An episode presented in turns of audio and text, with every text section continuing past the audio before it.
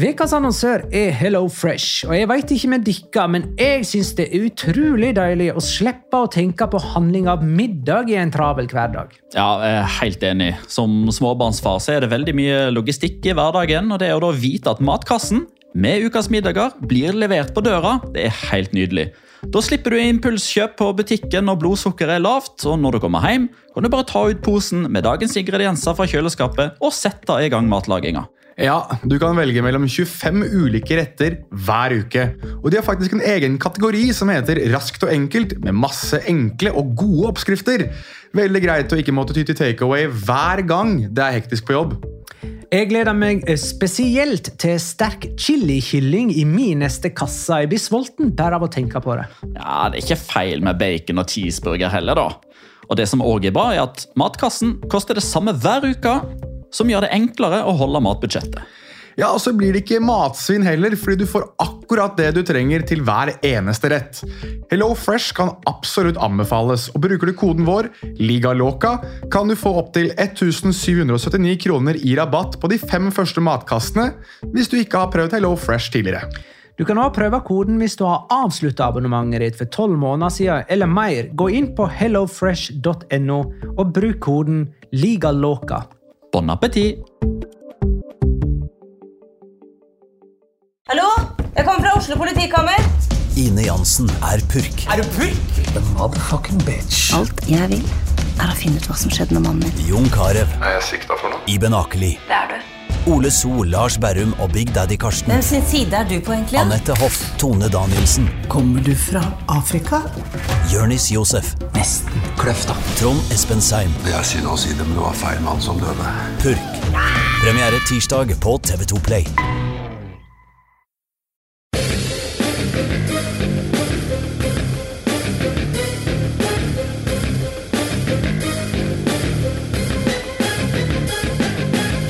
Har du sett?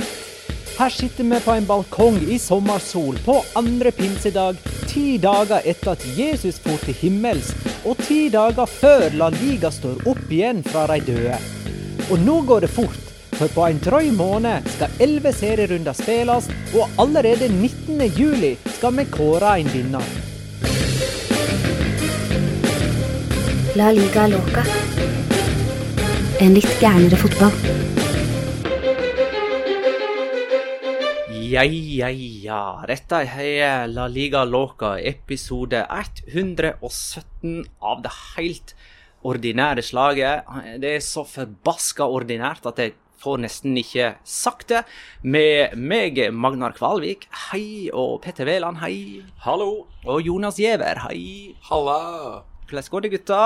Vi sitter Hva syns du om utsikten? Kan jeg få lov til å skryte litt av min, eh, utsikten fra min egen eh, balkong på en solrik andre pinsedag? Ja, det synes jeg du skal. Vi sitter jo på Bjerke nå og titter utover Oslo by. Sola skinner, og det er T-skjortevær på alle sammen. Så det er, eh, dette er ganske så idyllisk, altså, Magnar.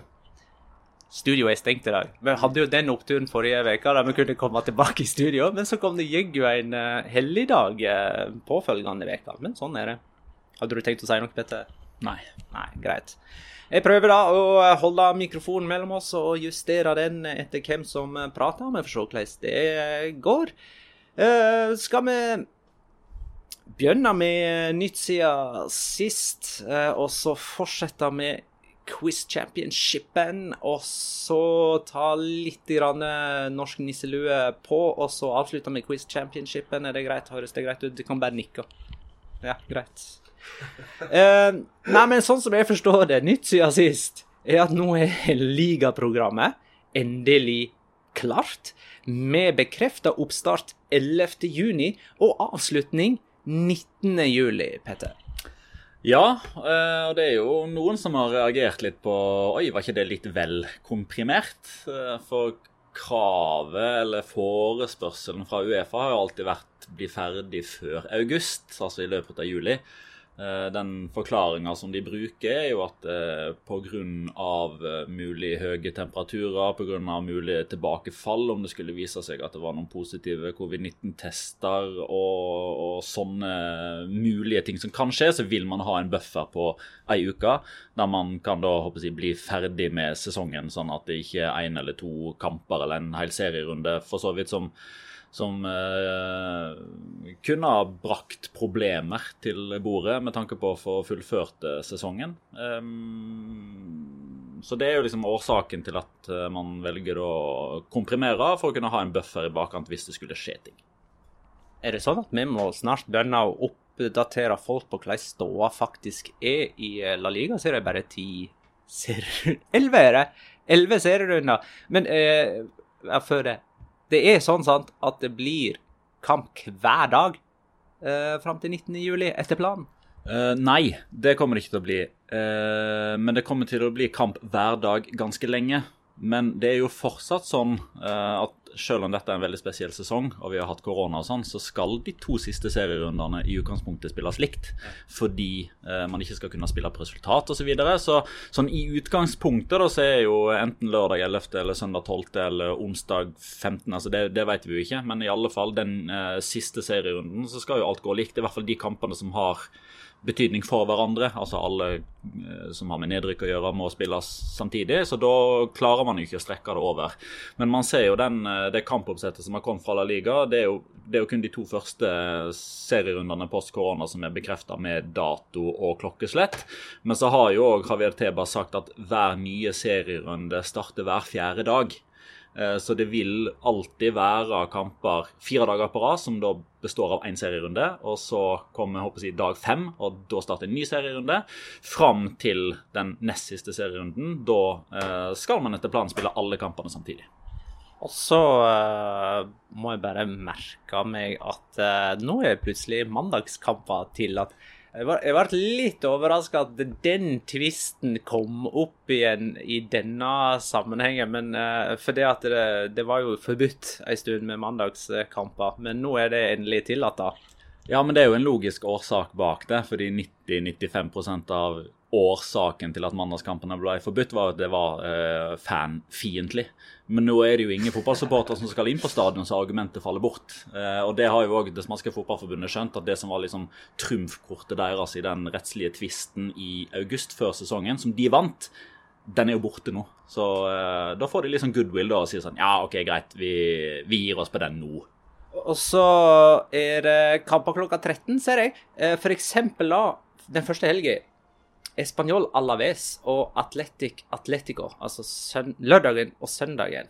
Eh, jeg er litt overraska over at Español, eh, altså i Barcelona, er en klokka 13-kamp. Selv om jeg veit at det er nord, liksom, men likevel.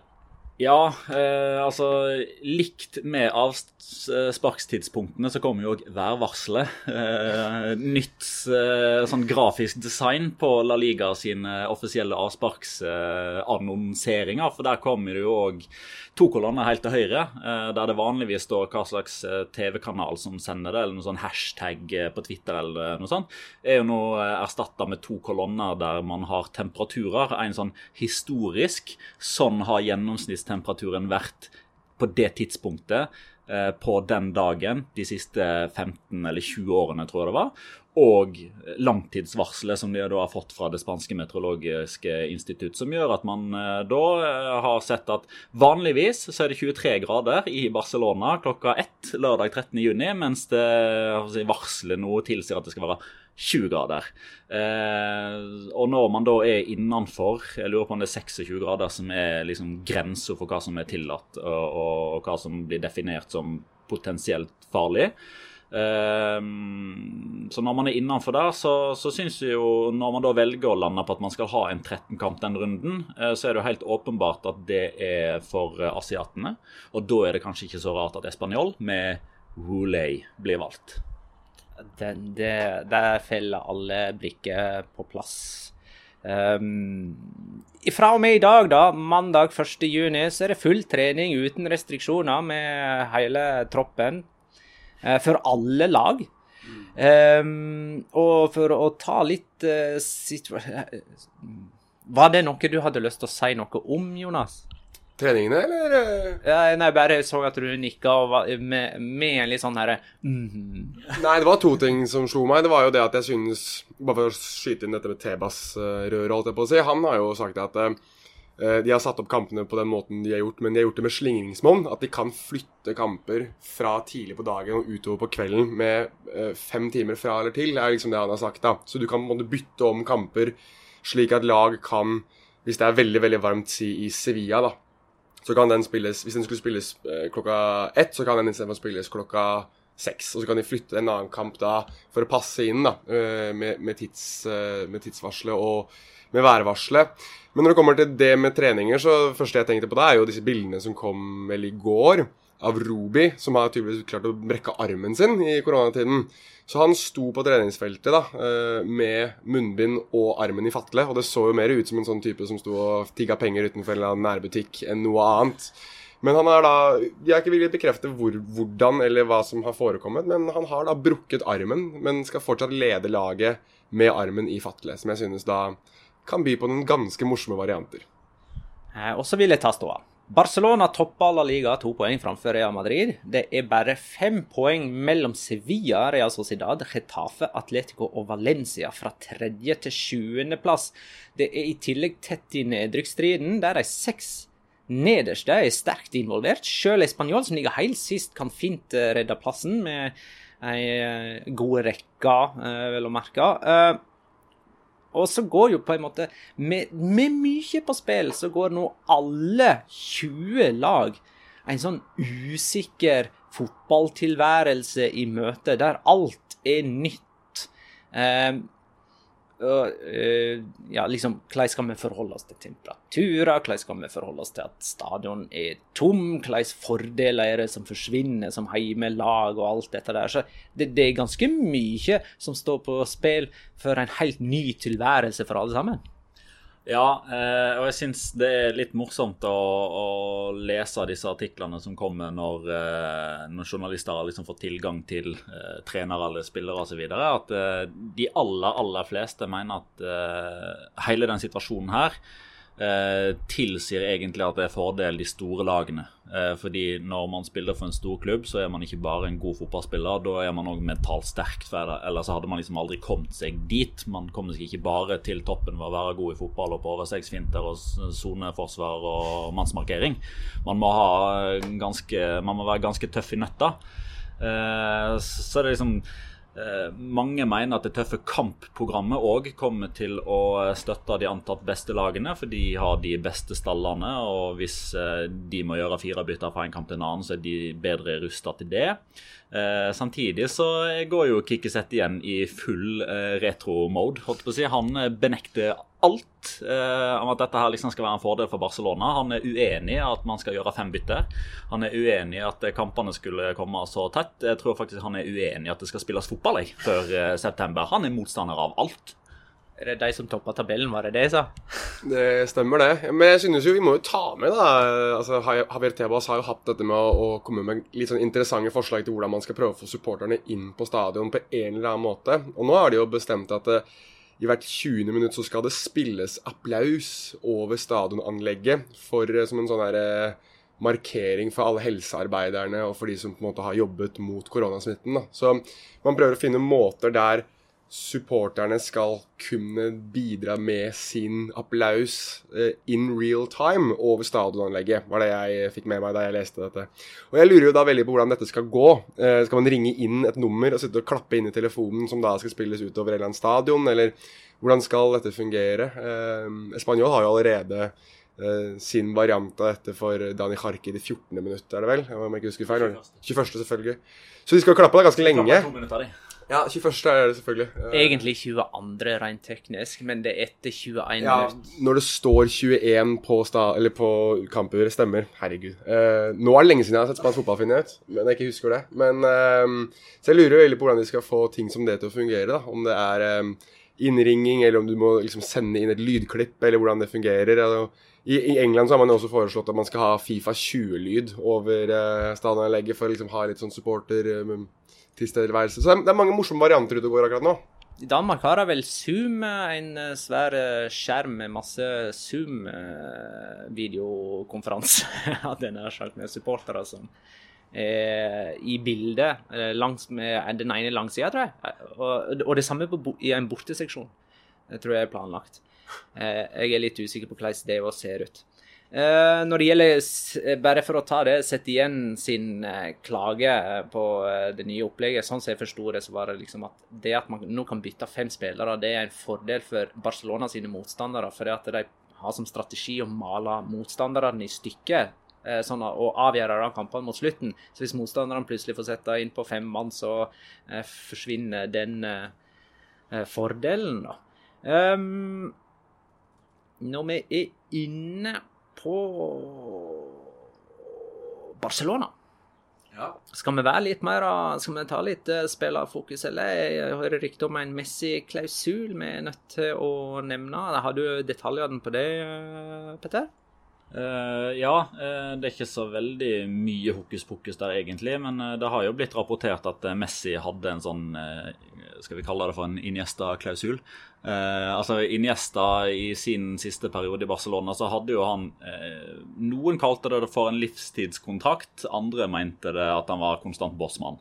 Eh, så det kom litt an på øyet som ser. Men han kunne jo da velge å forlate Barcelona vederlagsfritt etter hver eneste sesong, noe han jo til slutt gjorde når han reiste til Japan. Han skjønte at nå har han ikke lenger eh, det nivået inne i kropp og sinn som kreves for å spille i Barcelona. Og samme har jo det blitt rapportert at Messi har. At han kunne per definisjon ha forlatt Barcelona vederlagsfritt eh, denne sommeren. Eh, men rett før vi gikk i studio nå, så var det Samuel Marston som kom med en eh, eksklusiv. At den tidsfristen gikk ut eh, i går, altså 30. mai, eh, som da sammen, eller for to dager siden, 30. mai, som da sammenfalt med den opprinnelige Champions League-finaledatoen.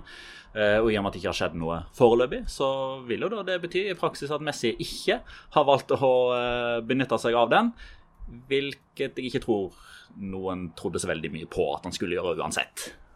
Hvordan er det med skader, da? Er det sånn at Luis Suárez er klar til 11., 12., 13., 14., 15. Når er det 15. juni at eh, Barcelona spiller sin første?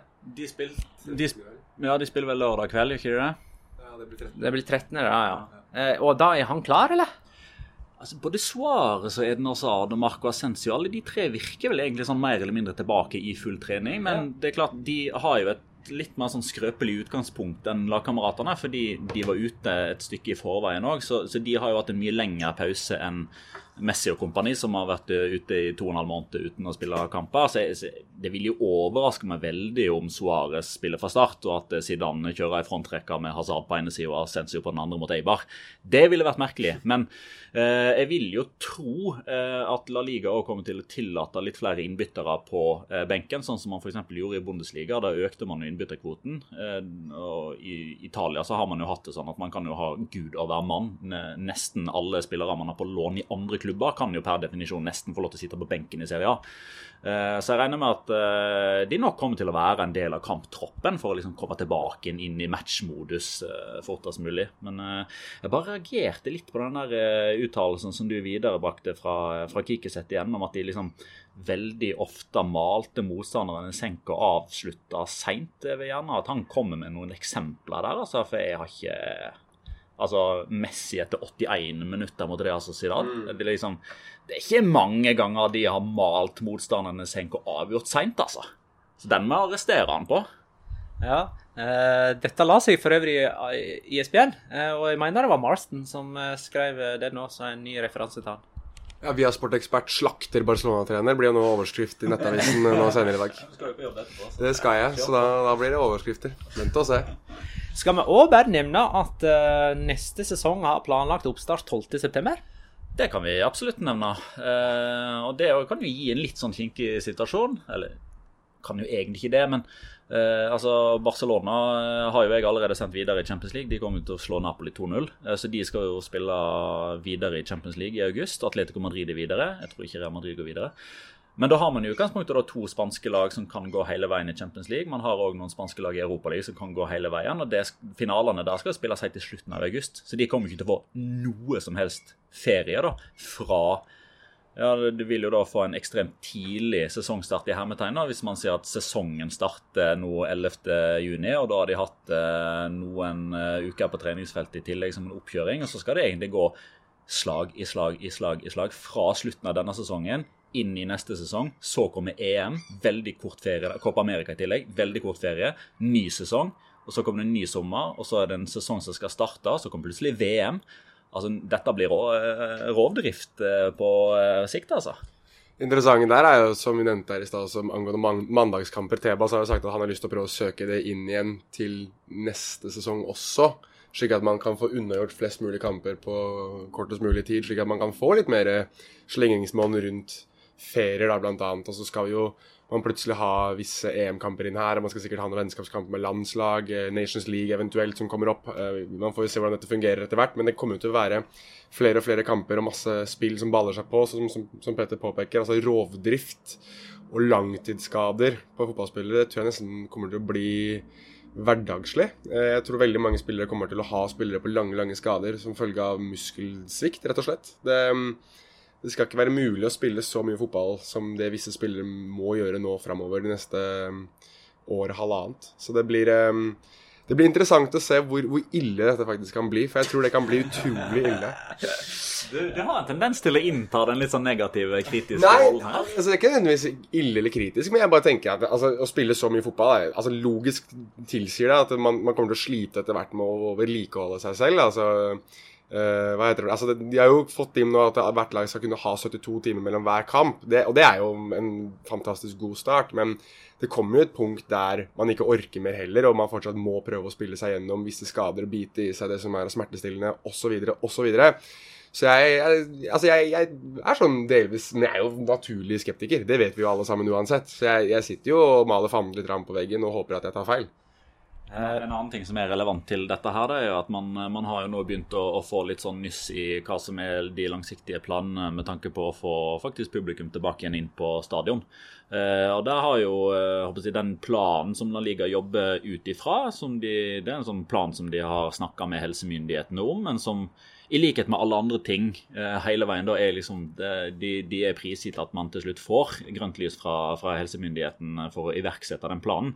Planen er at når neste sesong starter, altså 12.9, så skal man kunne fylle stadion 30% altså 30 mm. av kapasiteten. Det vil altså si at eh, på Iporoa så kan det komme 1800-1900 personer som sitter spredt. 1800 personer? 1800 ja. uh, personer. Eh, som da tar sine forholdsregler, og som antageligvis sitter med munnbind og hansker. og får, får ikke lov til å klemme hvis de scorer osv. Så, videre, så det blir litt rart, det der òg. Og så skal man øke til 50%, 50% av kapasiteten fra november. Det vil da si at på Camp Nou så kan det da være 48 000.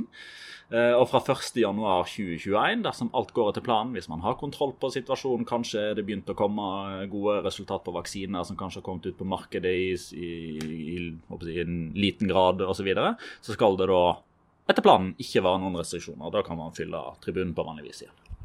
Og så skal overgangsvinduet starte etter sesongen. Det vil vel si, da, hvis alt går etter planen, fra og med 20.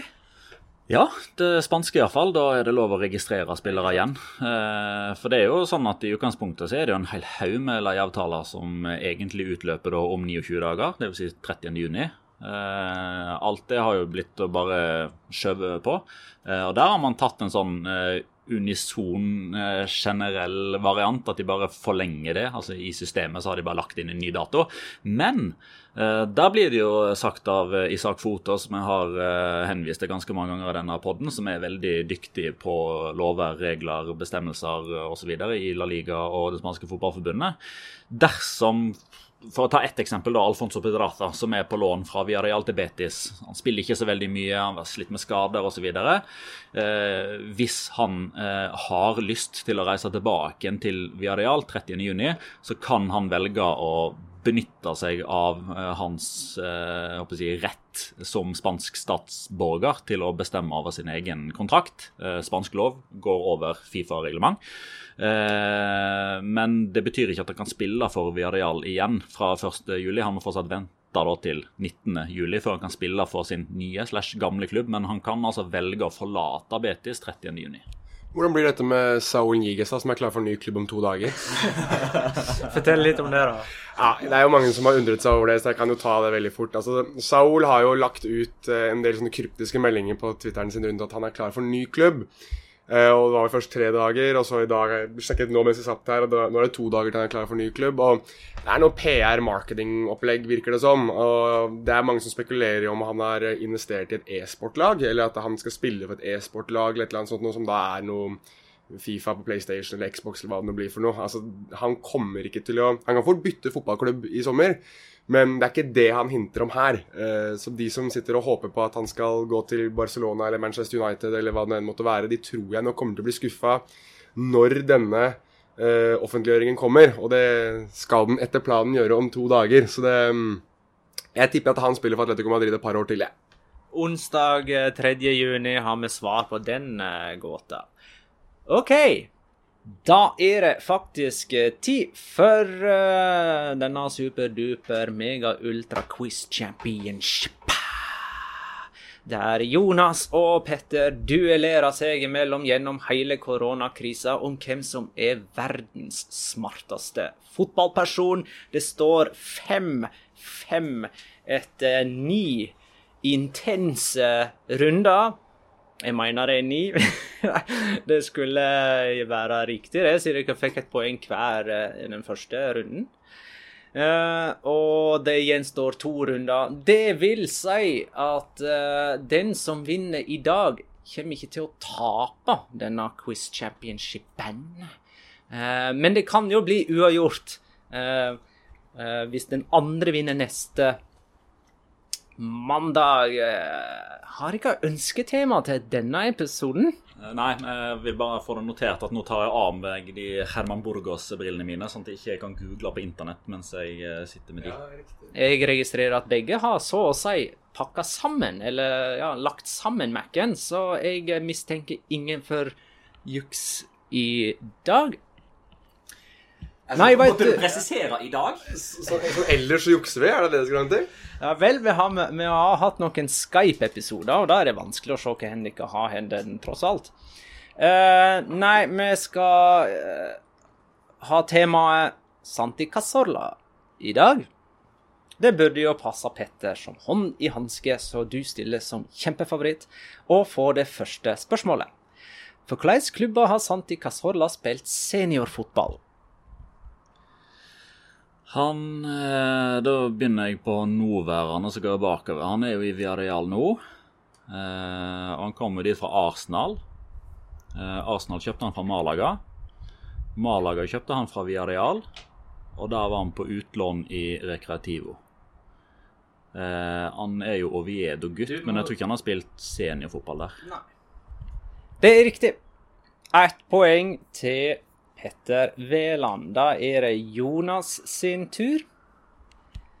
Casorla har, sammen med et par andre spanske stjerner, aksjer i en spansk klubb som for kort tid siden måtte reddes fra degradering i ligasystemet pga. økonomiske vansker. Hvilken klubb var det Petter hinta om her? Han hinta vel ikke om dem, han navnga dem vel, men han skal eh, fram til Real Oviedo, ja. Vær så god. Det er heil... Jeg prøvde faktisk å stoppe resonneringen din, Petter, for at ikke du skulle gå gjennom isen. Casorla er fra Astorias, der Oviedo er hovedstad. Han spilte ungdomsår i Real Oviedo før han gikk til Villarreal som 18-åring. Juan Mata og Micho var blant blant de øvrige som spytta inn eh, penger der. Petter, det er din tur. Hvem betalte mest overgangspenger for Santi Cazorla? Malaga, der de kjøpte han fra Villarreal, eller Arsenal, der de kjøpte han fra Malaga? Ehm, det er et godt spørsmål. Eh, summene som popper opp i mitt hode, er 12, 16 og 20. Uh, en av de må jo bort. Eh, Er du på millioner euro nå? eh, åpenbart. Eh, kunne vært pund, men eh, i Spania så eh, har de euro, så vidt jeg eh, husker, fra forrige gang jeg var der. Ehm, Det bare hørtes ut som årstall, skjønner du. ja, nei, det er det ikke. Han har ikke blitt uh, Ingen som har betalt en krone for Santi i nå, nå, nå tenker du. Nå tenker jeg Uh, Altså, all logikk skulle jo tilsi at han økte markedsverdien sin uh, på La Rosaleda. Eh, men samtidig så var jo Malaga litt sånn trigger-happy når de eh, henta han og ganske mange andre der, da. Eh, jeg svarer at han kosta mer når han ble henta til Malaga. Dette er riktig, og poeng til Petter. Um, de kjøp, Malaga kjøpte altså Santi Casola for mer enn de solgte han før. De stengte jo krani i 2012. Arsenal la faktisk ut mer for Lucas Perez noen år etter enn de la ut for Santi Casola. Eh, Jonas, Casola har ingen ligatitler å vise til. Hvis vi tar utgangspunkt i poengdifferanse opp til ligavinneren, hvem har Casola vært nærmest en ligatittel med? Ehm, det er et godt spørsmål. Han har jo endt på andreplass med Arsenal. Um, men hvis du tenker ut ifra poeng uh, det, Den er vrien, altså. For han har jo hatt han endt på fjerdeplass vel med Malaga ett år. Eller kom han det året? Jeg, jeg, må nesten gå for Arsenal, bare sånn logisk messig, selv om Leicester hadde vunnet ligaen noen serierunder. Jeg går for, går for Arsenal. Det er riktig. Og dette var I mine øyne så var dette ditt 50-50-spørsmål. Men uh, du dro inn Malaga. Jeg tenkte jo Villarreal. Ja, jeg, jeg, jeg, skal ærlig innrømme at jeg, jeg, ble litt usikker på Villarreal Malaga der. Og så tenkte jeg Men han har kommet på andreplass med Arsenal. Det må være Arsenal, vel? Fordi Leicester vant ikke med så mange poeng. Men ble, han ble nummer to med Villarreal òg, ikke han det? Jo, det. Og her, her er det. Han ble nummer to med Villarreal i 07-08. Åtte poeng bak Real Madrid. Og så ble han altså nummer fire med Arsenal i 13-14-sesongen sju poeng bak Manchester City. Så derfor poengdifferansepresiseringen her. Han, eh, og den gangen han kom på andreplass med Arsenal, så var det ti poeng bak Leicester. Så og så kan jeg jo nevne da at han har klubbtrofé å vise til. Det er FA-cupen, som han vant to år på rad med Arsenal i 2014 og 2015. Petter, Ja. hvor mange mesterskapstitler har Santi Casolla med Spania? Det vil si eh, om han var i troppen i 2008, 2010 eller 2012. Um, han er jo ikke så merittert i form av antall landskamper på eh, Spania. Det er jo mer pga. konkurrentene enn eh, hans egne kvaliteter. Nå tenker det. Dette er sånn, dette er sånn resonnering for tenking, ikke sant? Ja. Er ferdig med å forstyrre? Nei, Jeg skal si minst mulig, jeg, sånn at jeg ikke gir Jonas poeng. Eh, jeg svarer at han har eh, ett mesterskapstrofé. Det er feil. Han har bare to. Eller det vil si, han har dobbelt så mange som det du. Eh, han eh, var ute med skade i VM 2010, så han har de to EM-titlene fra 2008 og 2012. Så nå blir det spennende, Jonas. Du har mulighet til å ta ledelsen her. Hvor mange La Liga-mål har Casorla inneværende sesong? ja det husker jeg ikke. Uh, men han hadde jo Han har jo et par. Jeg sier seks, jeg, da. Nesten. Han har åtte.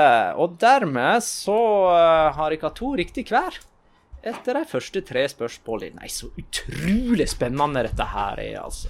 Skal vi bevege oss videre og ta på oss eh, nisselua og se litt på hva som har skjedd med Martin Ødegaard i det siste? For mens Braut Haaland har brauta seg rundt omkring for eh, tomme stadioner uten å skåre noe sånn særlig Han hadde vel én skåring Hadde han Skåra han i første kampen uh, siden gjennomstart? Han skåra det første Bundesliga-målet post korona. Sånn var det. Men han spilte ikke denne helga her. Nei, da var han ute med skade etter å ha blitt uh, kollidert med av dommeren. Stemmer det, han måtte ut mot Bayern.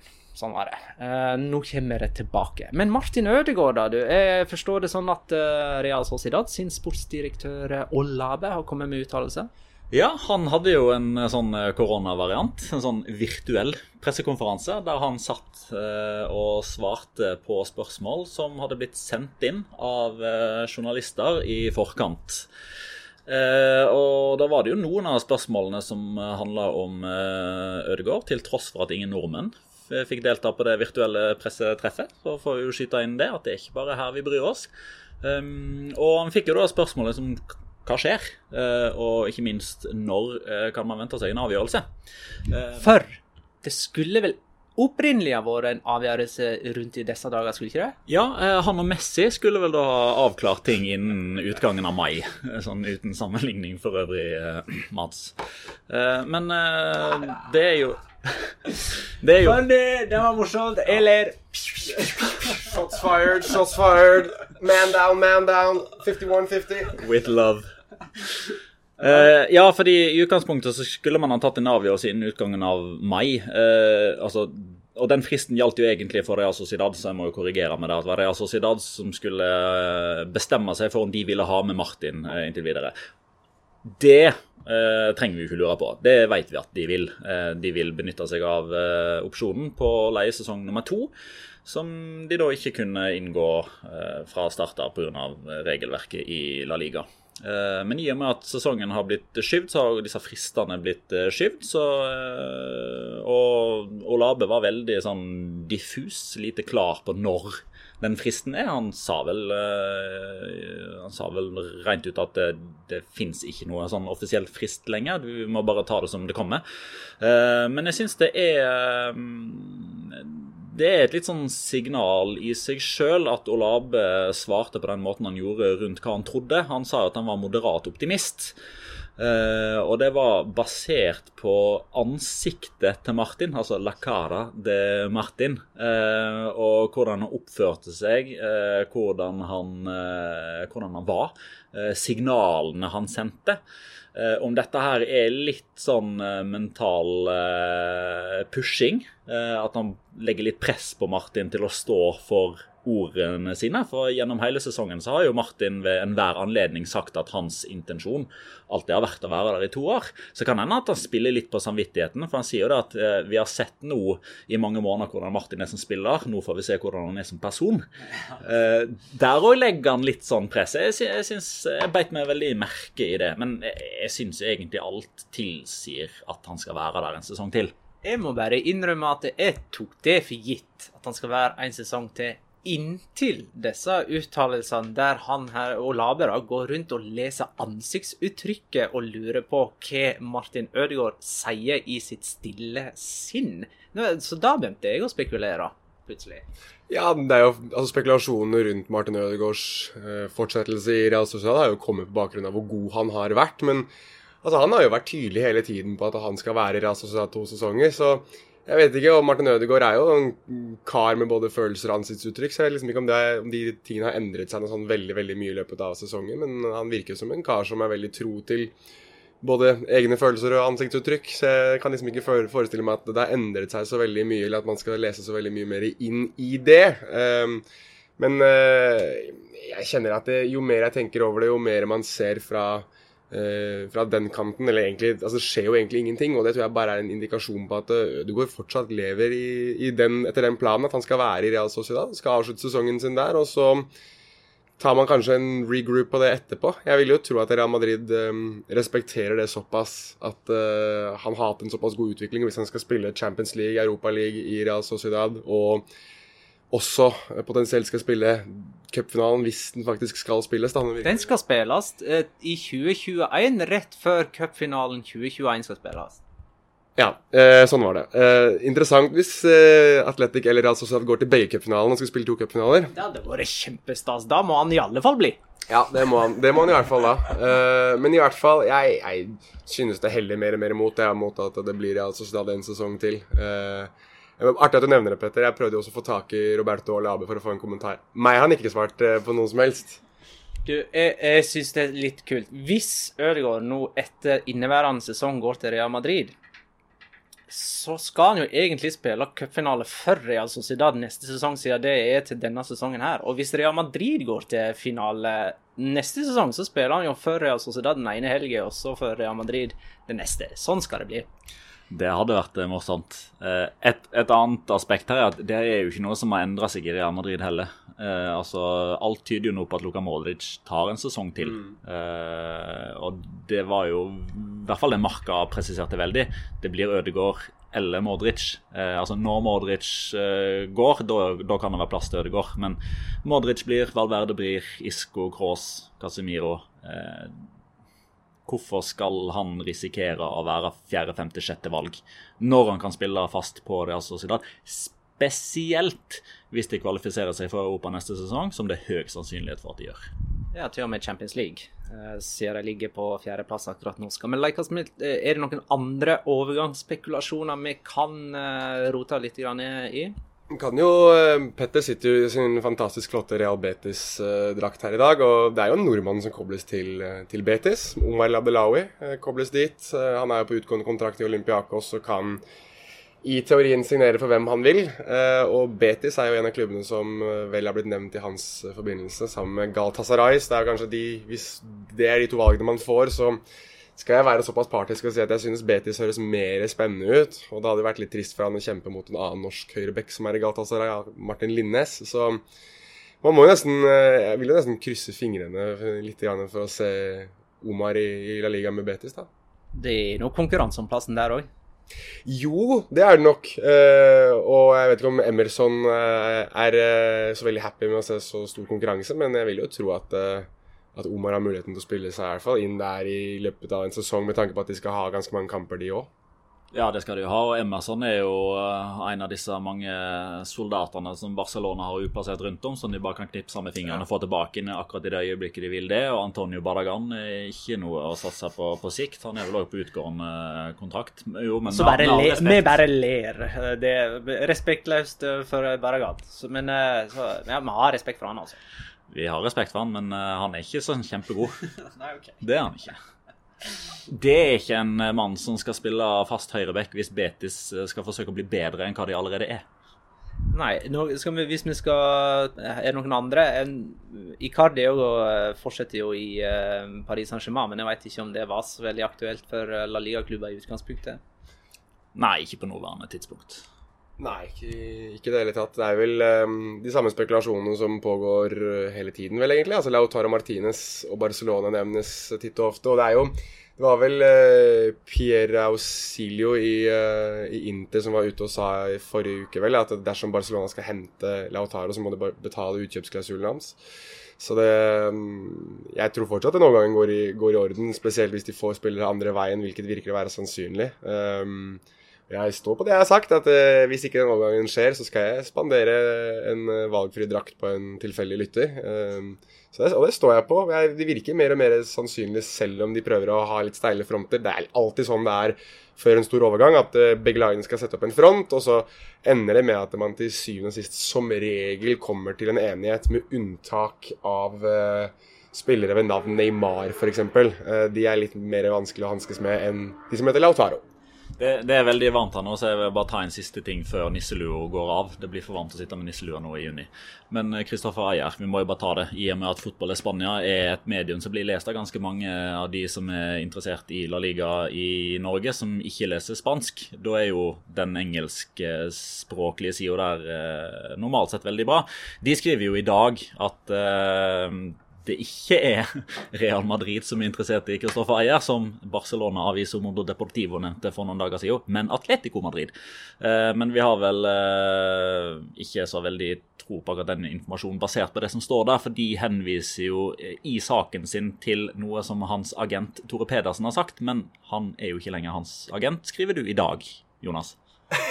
ja, det er faktisk jeg som har hatt den saken i dag. Jeg har jo fått bekreftet av Tore Pedersen at han ikke lenger er agenten til Kristoffer Aie. Der er avtalen utløpt. Og um, etter det som er rapportert, eller det som er også skrevet opp visse steder, så er det et agentfirma ved navn SEG Sports, eh, Sport Entertainment Group, som det vil stå for, som er hans nye agentur. Og de har blant ansatt Tiago Arias, som i hvert fall enn så lenge spiller i Atletico Madrid. Så de har i hvert fall erfaring med det å, å ha Atletico Madrid-spillere. Eh, så jeg om vi skal si at den er sannsynlig ikke altså, Milan er jo det som nevnes som regel med Ayer, men da, igjen, det hadde jo vært utrolig spennende da, hvis uh, Diego Simione skal stå og hyle på Christopher Ayer i uh, noen år. Det hadde vært litt gøy å se på. Ja, Men jeg må jo bare si det, da. Uh, tror jeg Ayer spiller i La Liga neste sesong? Nei. Tror jeg Omar spiller der? Nei. Tror jeg Braut spiller der? Nei. Uh, Ødegaard? Ja. Men jeg vet ikke hvor.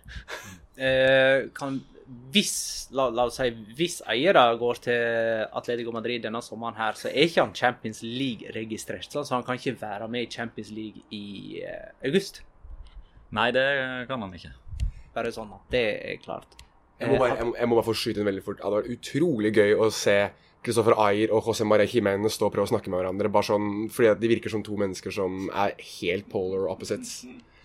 Og så, eh, siden Simione kom opp, så har han vel ikke med seg Burgos fra neste sesong. Eh, bare sånn for å ta det avslutningsvis. Ja, nei, fortsatt ikke noe som er offisielt, da, men all, eh, all vind blåser jo i retning av at eh, Herman Burgos drar tilbake til Argentina for å starte sin nye karriere som hovedtrener. Så får vi se hvilken klubb det er. da. Jeg ser det er ganske mange forskjellige klubber det blir spekulert i. Eh, og da er det jo to eh, menn som skal opp og fram eh, i skyggen av Simione, som skal være assistenttreneren deres. En er jo Nelson Vivas, eh, som allerede er der, eh, men som blir eh, promotert, som kommer enda litt høyere opp i hierarkiet. Ja, det er han argentineren som vel var i Inter. Var han innom Arsenal òg?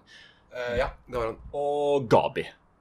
Tidligere Atletico Madrid-kaptein som har eh, vært i Midtøsten og tatt eh, lisenskurs og litt sånn. Jeg syns Gabi høres litt spennende ut der, da. Jeg må få skutt inn, Hvis du sier at uh, Gabi høres spennende ut, så må jeg si at Nelson Vivas er nesten enda mer morsom. For han var jo hovedtrener en gang, jeg husker ikke helt hvilken klubb det var, men det var Argentina eller Mexico.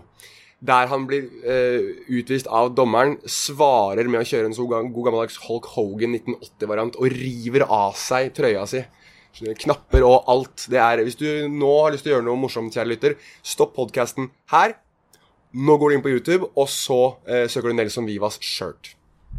Og nå er du tilbake igjen i podkasten, kjære lytter, for nå er det nemlig del to av Superduper Mega Ultra Quiz Championshipen. Der vi altså quizer om Santi Casorla. Det står 2-2 etter tre spørsmål hver, og det er Petter sin tur. Hør godt etter. Cazorla gikk fra Villarreal til Recreativo O11 i 06-07-sesongen, men returnerte altså til Villarreal sesongen etter. I hvilken divisjon var Recreativo i 06-07? De Akkurat på det, i det sjiktet der, så var de jo oppe og nikka i La Liga et par uh, sesonger. Jeg, var jo faktisk jeg på Nuevo Colombino og så Recreativo mot Atletico Madrid. 0-3. Sammen med Finn Bjørnar Berg, som uh, da ble Rekre-fan, og som siden holder meg oppdatert på hvordan det går med de uh, på nivå 3 i Spania. Men i 06-07 um, Jeg tror de var i Segunda den sesongen. Du har svara. Eh, Det er dessverre feil. De var i Primera Divisjon. Det var en kjempesesong. De ble nummer åtte, med spillere som Casorla, Cazorla, Ikichukwu Uche og Florencina Mapongol. Jonas, mulighet til å gå i ledelsen her. Casorla hadde én sesong som Malaga-spiller, det var i 11-12-sesongen, og skåra ni La Liga-mål i Andalusia, noe som gjorde han til den nest mest skårende for laget som enda på fjerdeplass. Men hvem var toppskårer? Uh, åh, han ble henta sammen med et hav av andre spillere. Men hvem var det som var storskåreren der, da? Uh, de hadde jo Altså, Ruud van Nistelrooy var jo innom der. Uh, Julie Baptista var innom der. Uh, Roque Santa Cruz var innom der. Javier Saviola var vel innom der. Uh, Joaquin Jeg tror ikke det var han her, men jeg vil bare nevne Jeremy Toulala. For han er, nevnes ikke ofte nok. Han ble ikke toppskårer. Han, ble, han tror jeg ikke Hvor mange mål du sa Casola skåret det året? Var det ni? Ja. Jeg, jeg tror ikke, jeg tror ikke har ni mål i karrieren sin. Um, men jeg, jeg um, Åh Det er så mange av de det kunne vært. Men uh, Ruud van Nistelrooy. Uh, det er dessverre feil. Det var ingen. Eh, Salomon Rondon. Det er riktig. Selvfølgelig! Og han skåra bare 11, så det var ingen storskårere for Malaga den eh, sesongen der. Salomon Rondon. Selvfølgelig. Tankspissen fra Venezuela. Da er det eh, Petter sin tur. Sesongen etter var Casorla Arsenal-spiller og skåra tolv mål i sin første Premier League-sesong, noe som gjorde han til den nest mest skårende for laget som enda på fjerdeplass. Men hvem var toppskårer? Toppskårer for Arsenal i 12-13. Yes! Åh. Eh, dette er vel uh, Altså, noe på litt dypere vann her, altså. Det må jeg ærlig innrømme. Uh, for jeg husker jo ikke når van Persie gikk fra Arsenal til Manchester United. Eh, hvis han fortsatt var der, så var det jo han. Men jeg tror han ikke var der på det tidspunktet. Eh, Jeg kan, jeg kan gi et hint. Det er ikke Marwan Shamak. Tusen takk, eh, Jonas. Det hjalp meg kjempemye. Vær så god. Um, vi snakker 12-13-sesongen. Mm. Du har han. Jeg tror det. Jeg tror jeg, tror jeg har det. Uh, I og med at jeg har hjulpet deg med et poeng tidligere, da, kan du gi meg et hint? Skal jeg, skal jeg være fryktelig grei, Magnar? Solidarisk. Uh, Robin van Persie var ikke der. Hadde ikke tenkt å svare han uansett, da, siden jeg sa at han hadde gått i Manchester United. Så takk for ingenting. Um, hvem skal vi svare da? 12-13. Da Ja, hopp i det. Ja, men da, fors eh, da forsøker vi oss på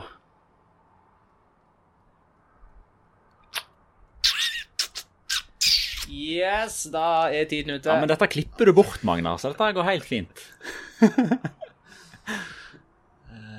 Nei, Vi prøver oss på Du klarer ikke. Garantert feil. Nei, jeg, jeg velger å si pass istedenfor å drite meg ut. Ja, det er greit. Kan jeg prøve? Kan jeg prøve? Ja.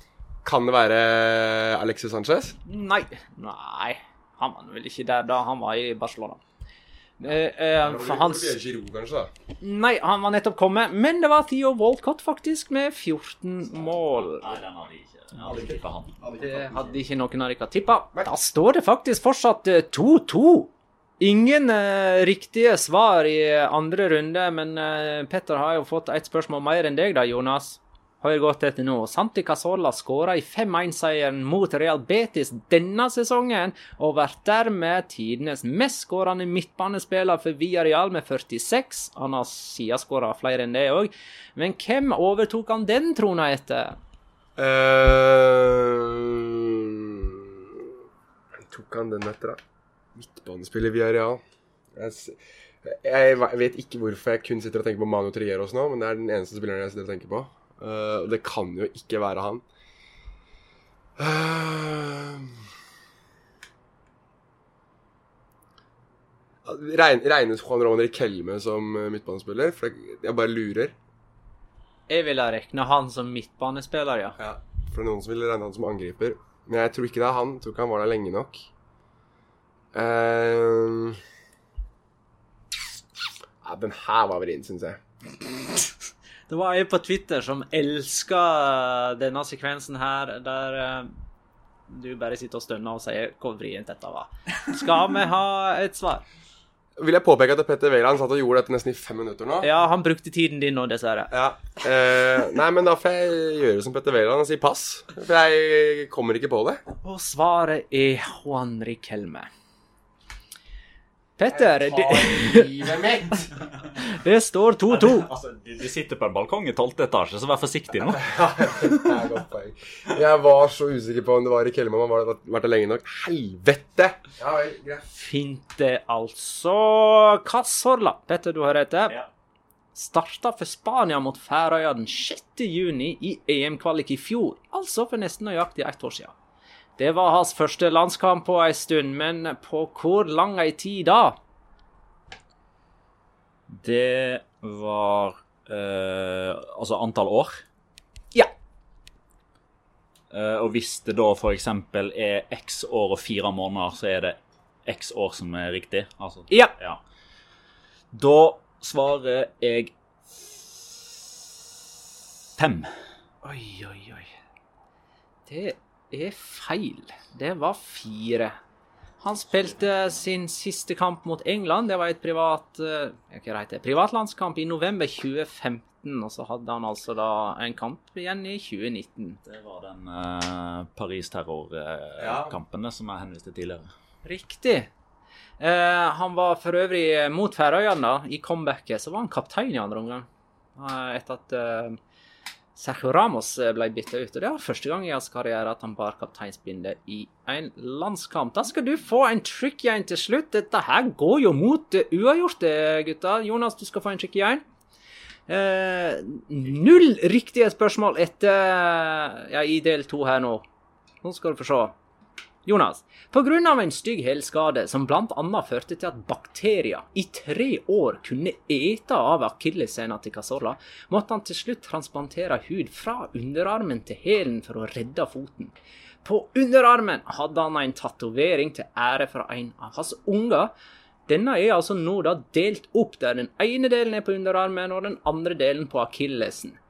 Hvilket navn var tatovert på underarmen til Santi Casolla? Et navn som nå altså er delt i to. Har ikke du sett tatoveringen hans? Jo, men jeg har ikke bitt meg merke hvilket navn som står der, da. Jeg, vet ikke det er det første man gjør når man ser tatoveringer.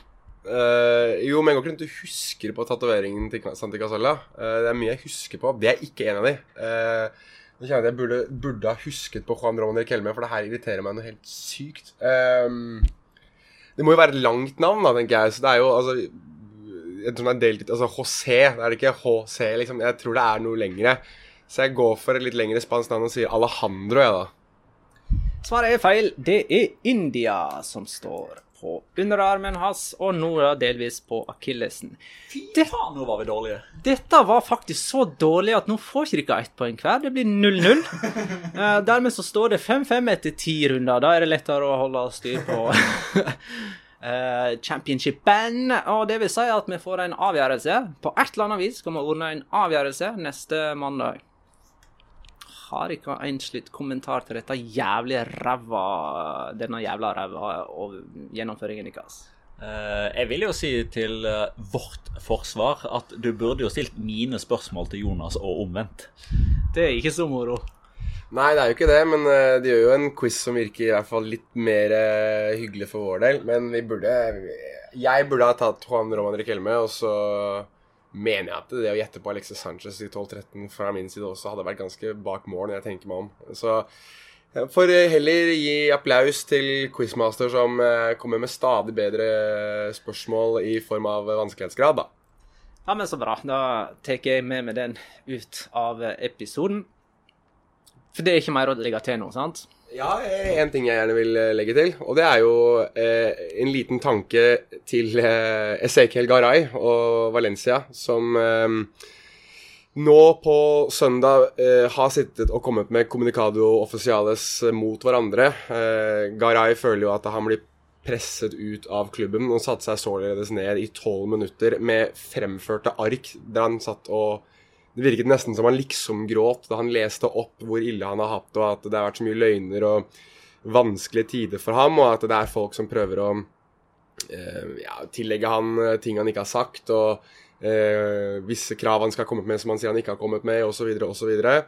Eh, mens Valencia da har slått tilbake og sagt at av alle spillere som var enige i det å ta et lønnskutt, så var Garay den eneste som satte seg på bakbeina og ikke ville være med på det. Eh, så det er jo to entiteter her som argumenterer litt mot hverandre. Og Garay er jo ikke kjent for å være en som er lite polariserende, både verken på banen eller utenfor banen. Så um, det, er nok en, det er nok en versjon Garay har, en versjon Valencia har, og så er det sannheten imellom der. Og så tipper jeg at man ender på at Garay er ferdig i Valencia etter denne sesongen her, hvis han er, han er på utgående. Så regner med at det ikke blir noe særlig lenger nå som man har sittet og hulka foran uh, et, Instagram-kamera, holdt jeg på å si. Så er det ett år siden vi tok eh, farvel med José Antonio Reyes eh, i dag, så vi hvil fortsatt eh, i fred, José Antonio. Så eh, Arsenal-hyllene ved å vise ei, perle av ei skåring som jeg faktisk hadde glemt. Fantastisk eh, mål. Ja, Sevilla står eh, i forkant av dagens treningsøkt samla rundt eh, Reyes drakt nummer ti og eh, applauderer. Og så var det vel òg en uh, hyllest til han fra Real Madrid ganske nylig, som han avgjorde serien for deg i 2007. Det bør være på sin plass, ja. Mm. Rundt disse tider her eh, på året. Jo, det en ting må jeg si. Det som er kult, eh, eller ikke kult, da, men eh, altså vi, vi snakker jo alltid om at Messi eh, han har alle rekorder i La Liga. Nå finnes det liksom ikke rekorder igjen å ta. Det som har skjedd nå med koronavirus og utsettelse, gjør jo at han faktisk er i posisjon til å ta et par nye rekorder. Nemlig ved å være mestskårende hver kalendermåned i La Liga-sammenheng. Det har aldri blitt skåra mål i juli måned før i eh, La Liga-sammenheng. Og i juni så er det Raúl og et par til som er toppskårere med ni, mens Messi står med fem La Liga-mål i juni tidligere. Så eh, vær så god, Leo. Vær så god. Det er en fin måte å runde av på. Tusen takk for at du lytta, kjære lytter. Ha det, da.